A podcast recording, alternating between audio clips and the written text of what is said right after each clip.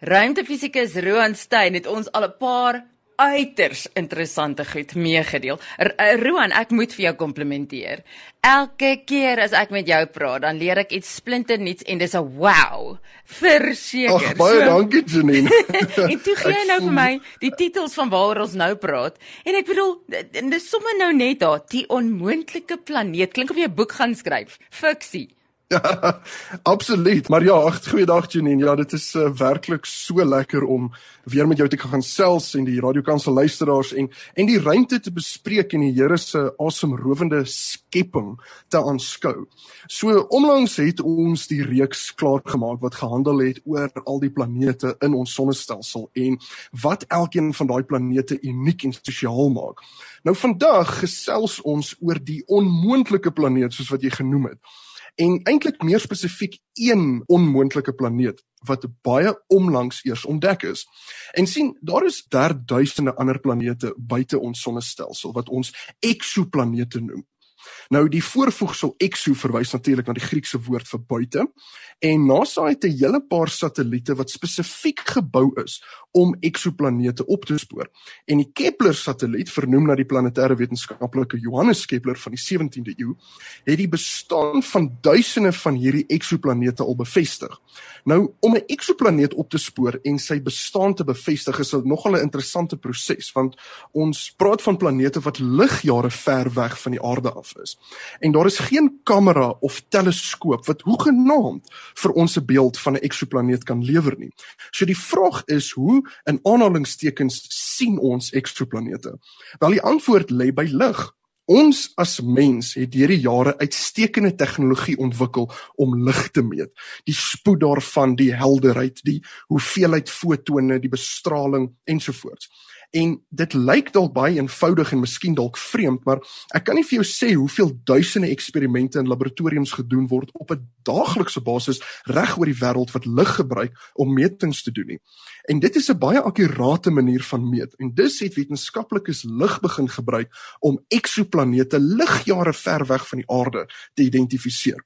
So basies hoe dit werk is so. 'n Teleskoop word gerig na 'n ster en ons sien die liguitsette van die ster is baie stabiel en konstant oor 'n lang tydsperiode.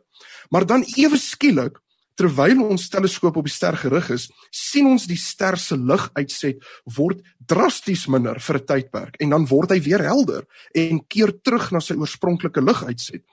En dit wat ons nou net daar waargeneem het, is iets wat voor daardie ster verby beweeg het. So dan wag ons en kyk ons of dit dalk weer gebeur en dan sien ons klokslag die verdowwing vind weer en weer in 'n periodiese manier plaas. En dan kan ons tot 'n gevolgtrekking kom dat daar 'n planeet besig is om om daardie ster te wentel.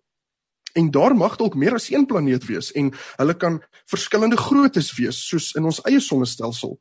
Maar net soos 'n kardioloog jou elektrokardiodiagram of uh, of terwyl 'n EKG grafiek bestudeer vir elke klein golf, vir elke klein puntjie, die verskil in amplitude tussen golwe en dan presies vir jou kan sê wat in jou hart aangaan. Net so kan ruimtewetenskaplikes hierdie ligdiagramme bestudeer en presies sê hoeveel planete het daardie spesifieke sonnestelsel en wat die moontlike groottes van daardie eksoplanete is. Nou dit is 'n baie interessante manier en 'n um, slim manier dink ek uh, wat die wetenskaplikes uh, gebruik om hierdie tipe navorsing te doen. Nou hoekom ek oor eksoplanete wil gesels vandag is omdat daar onlangs 'n baie vreemde eksoplaneet ontdek is. 'n Eksoplaneet wat eintlik nie veronderstel is om te bestaan nie. Nou hierdie planeet word geklassifiseer as 'n warm Neptunus in aanhalingstekens as gevolg van sy grootte en struktuur.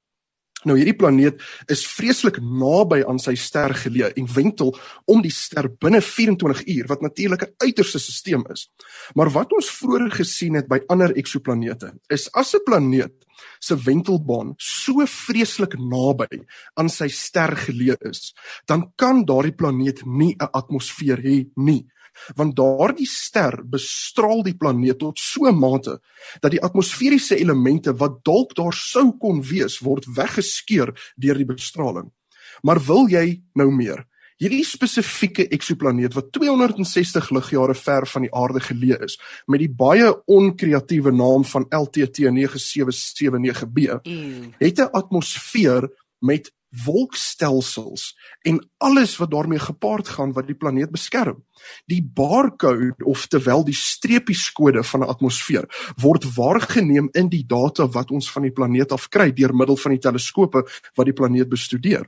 En hierdie planeet is nie veronderstel om 'n beskermende atmosfeer te hê nie, maar ten spyte van die uiterse bestralingsomgewing het daardie planete atmosfeer wat die binnekant van die planeet beskerm teen die ster se bestralings. En ek dink dit pas so mooi in by Romeine 1:20 wat sê want hulle kan sy onsigbare eienskappe naamlik sy ewige krag en sy goddelikheid reeds van die skepping van die wêreld af duidelik uit sy hande werk waarneem. En hier sit ons met 'n voorbeeld in die natuur waar ons werklik iets waarneem wat veronderstel is om onmoontlik te wees. En dit herinner my net aan God se liefde en sy genade en hoe hy ons kan beskerm ten spyte van alles wat om ons gebeur. En miskien word ons nou denkbeeldig bestraal in ons lewens en ons voel ons kan nie meer hierdie bestraling absorbeer nie. Maar ons moet nooit vergeet nie, die Here bied vir ons 'n beskermingslaag oor ons om ons te beskerm teen die wêreld se bestraling. En ek dink dit is so wonderlik en so gepas veral in hierdie jaar toe nie. Weet jy wat? Ek geniet so dat dit nie daar moet wees nie. Want ons het al hoeveel keer gesê God is soewerein mos. Hy kan doen wat hy wil. Hy is die baas Net van die so. base, né?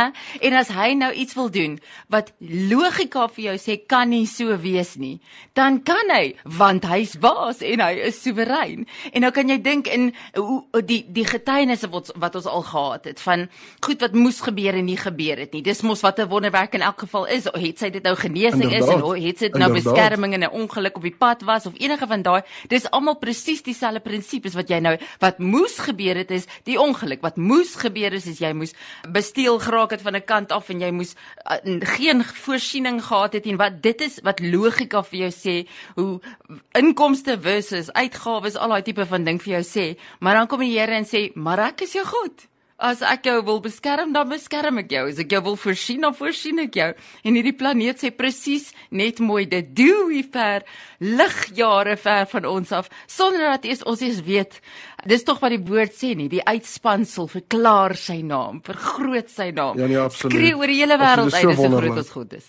Ja nee, dit is absoluut so wonderlik en hierdie is net so 'n voorbeeld van iets wat nie verklaarbaar as dit ware is nie. Ons sien dit is daar, wetenskaplik sien ons dit is daar maar dit pas nie in met die model nie en ek dink dit is net soos jy genoem het dit is maar net die Here se manier om te sê maar hierdie is sy skepping. Dis sy skepping.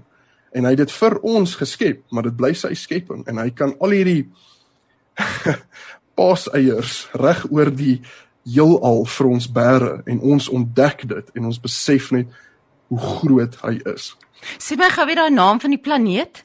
Hierdie planeet se naam is um, LTT 9779b En dit is nou maar as gevolg van 'n uh, klassifikasieringsstelsel. Daai klein lettertjie B aan die einde is 10 teen 1 die tweede planeet wat hulle in daai omgewing ontdek het. Ehm um, want die vorige een se naam seker A, die LTT is 10 teen 1 die instrument wat hom ontdek het en 9779 kan dalk iets met die datum te doen hê. So ja, dit is maar ongelukkig elke liewe ding wat ons ontdek kan ongelukkig nou nie 'n vreeslike spesiale naam kry nie. Okay, nou maar volgende keer dat jy wonder of God vir jou gaan deurkom, dink net by jouself LTT lit.